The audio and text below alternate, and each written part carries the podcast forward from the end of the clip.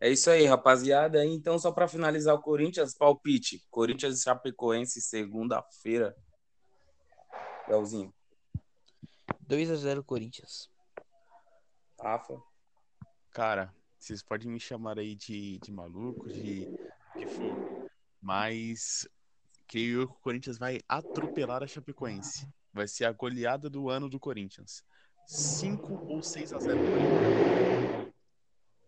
E Cauê? 3 a 0 Corinthians.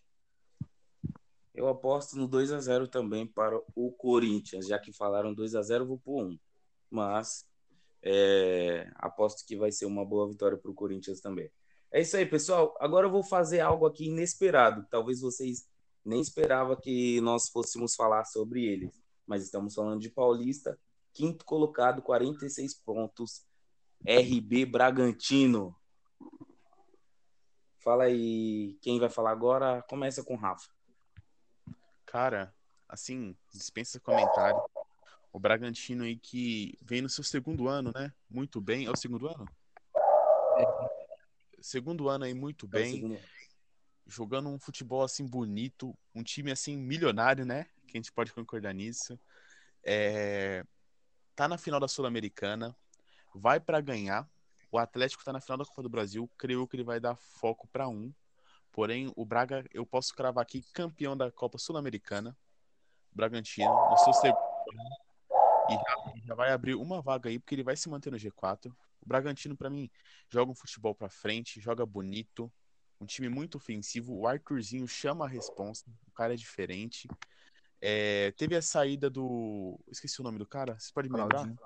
O Claudinho, isso, Claudinho. meio, meio Claudinho.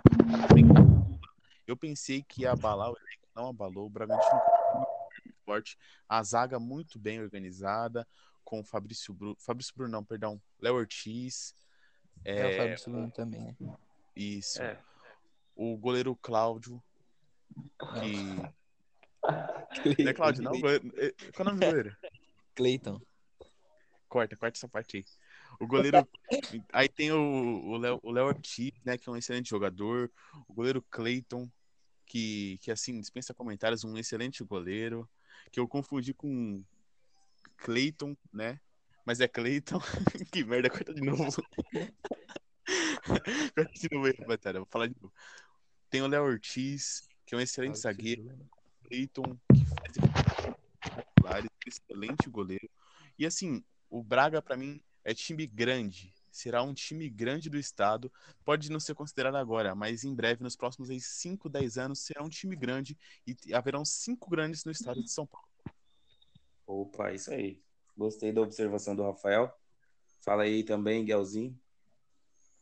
Então, o Bragantino já é um time que vem jogando bonito desde o começo da temporada com o Maurício Barbieri. O Maurício Barbieri que assumiu ano passado. O time do Bragantino, desde quando subiu em 2020, ele vinha muito mal, mas o Maurício Barbieri chegou no final do campeonato, acho que umas 20 e poucas rodadas, não lembro exato agora. Mas ele organizou o time, o time começou a jogar bonito, começou a subir. Este ano o time pegou é, ele desde o começo da temporada, né? Ele conseguiu pegar o time e encaixou o time, né? O time tá na final da Sul-Americana. Provavelmente vai ficar top 6 do Brasileirão, que é uma coisa que eu acho que é quase impossível ele sair dali pelo futebol que ele joga. Como o Rafael falou, o Arthur vem chamando a responsabilidade. Tem o Ítalo, tem Elinho, tem o Coelho, tem diversos jogadores, tem o Prachedes. São diversos jogadores muito bons. É a zaga bem sólida com o Adrilan de um lado, tem o Edmar, tem o Luan Cândido, tem Fabrício Bruno.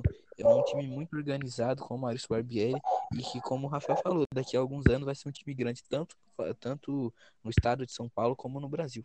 E tanto na América do Sul também. Pode anotar aí. Cauê?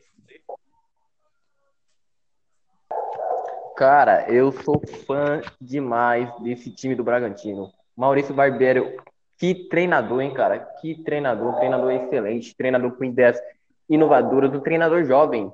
Treinador que certeza que daqui uns 3, 2 anos estará em um time grande, um time brasileiro de tradição.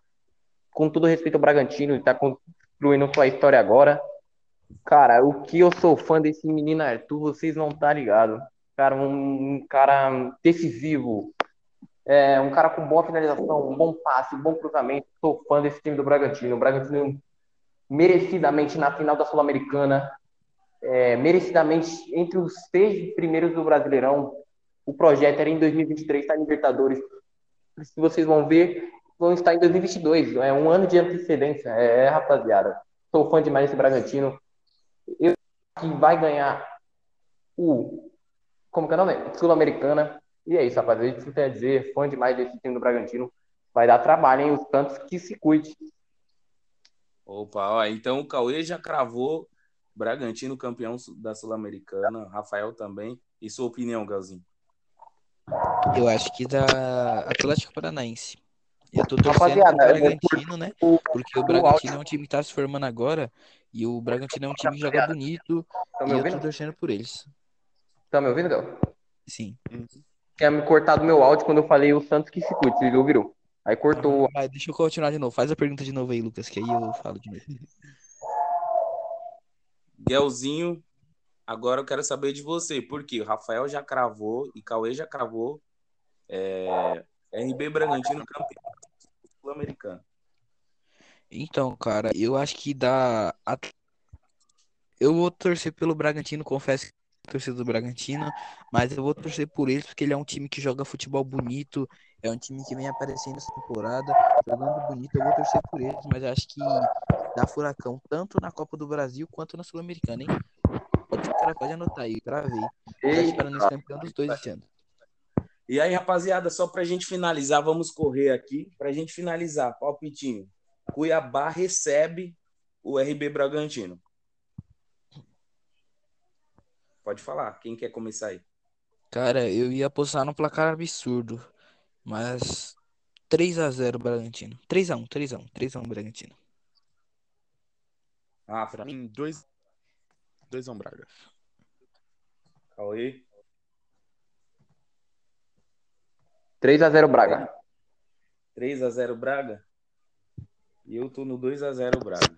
É isso aí, rapaziada. Rapaziada, curtiu quando eu falei 3x0 Braga, mano. Que raiva. Não cortou, não, Cauê. Não cortou, Mas saiu aqui tranquilo. Ah, pois beleza. E pra gente finalizar, Clubes Paulista, vamos falar de quem? Do Palmeiras, o Verdão, que tá em segundo colocado, né? Com 49 pontos, somente 10 pontos. Somente 10 pontos atrás do Atlético Mineiro. Então, vamos começar com o Cauê. Cara, eu, eu não entendo porque a torcida do Verdão critica tanto o Abel Ferreira. O cara que chegou ano passado, é, conquistou a Libertadores, conquistou o Campeonato Brasileiro. Opa, Campeonato Brasileiro não. conquistou a Copa do Brasil, um treinador jovem, um treinador inovador, com ideias ótimas. Eu acho que ele é muito irritadinho no, no gramado, só isso. Porém, está fazendo uma ótima campanha no brasileiro.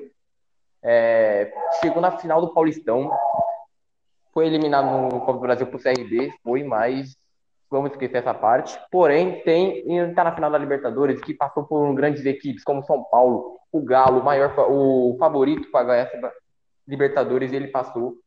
Cara, eu acho que o Palmeiras tem muito a melhorar. Eu gosto muito das táticas que o Abel Ferreira está usando. Muitos falam que ele é retranqueiro. Eu não acho. Eu gosto da, do esquema dele. Ele usa muitos jogadores rápidos e eu acho que o Palmeiras tem muito a crescer. E meu palpite é que o Palmeiras vai ganhar a final da Libertadores e os outros paulistas vai ter que aguentar. Opa, Cauê já. Agora vamos ouvir mais sobre o palpite da opinião do nosso amigo Gelzinho. Então, cara, o Palmeiras é um time que vem jogando bem nessas últimas partidas, tava vindo mal algum tempo, conseguiu ganhar do Internacional, veio, veio bem na última rodada, sendo que enganado, ganhou do, do Sport, não foi? Lá no Allianz, de virada. Então vem de uma sequência boa de vitórias, vem jogando bem, apresentando futebol que o, o torcedor palmeirense espera. Tá na final da Copa Libertadores, né? Que é uma competição mais importante da América do Sul e como o Cauê cravou que vai dar Palmeiras, eu cravo a contrário. Flamengo 2 a 0 Opa! Já estão aí fazendo o palpite da final da Libertadores. E para finalizar sobre o Palmeiras, o setorista do Palmeiras, Rafael. Cara, como o Galzinho falou, ele destacou exatamente o que eu queria falar. A crescente do Palmeiras, a mudança do Palmeiras dentro do Campeonato Brasileiro. Desde a vitória com o Internacional, o Palmeiras venceu o esporte e está motivado. Diferente do Flamengo, que agora vai pressionado para a final da Libertadores, o Palmeiras sente um clima leve. A torcida estava com uma grande pressão sobre o professor, porém, ele está organizando o time, está mantendo a calma, está sabendo administrar essa pressão, e creio eu que o Palmeiras vai muito mais motivado do que o Flamengo para essa final de Libertadores né? Eu não sei como tá ainda, mas os ingressos da última vez que eu acompanhei estavam 200 dólares, né? Cerca de 1.100 reais brasileiros. Assim complica bastante para todo torcedor, que para mim não é mais Libertadores, é Copa Brasileira de Futebol, né? Porque uma brincadeira, brincadeiras à parte, claro, é, times brasileiros vêm aí muito forte na Libertadores nesses últimos anos. Porém, esse... Eu acho que o time brasileiro domina por mais alguns anos aí. Queria falar não, mas a Argentina vai ter que aguentar por mais alguns pelo menos uns três anos aí, hein? Concordo. Eu concordo. E Também concordo. Ele, diferente do Flamengo, que vai pressionado para essa final, meio que com obrigação em cima do Renato Gaúcho vencer, Palmeiras ele vai com calma, com tranquilidade. Então, creio eu que o Palmeiras sairá com resultado positivo dentro dessa final. Não vou cravar um placar ainda. Cobrem de mim depois, porém ainda não vou cravar. Porém, o Palmeiras vai bem mais tranquilo do que o Flamengo para essa final.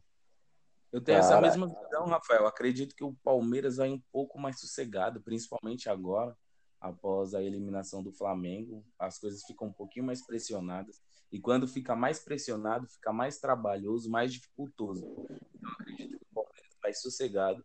E eu acho que eu também vou cravar aqui o Palmeiras, hein? Mas, Cara, eu.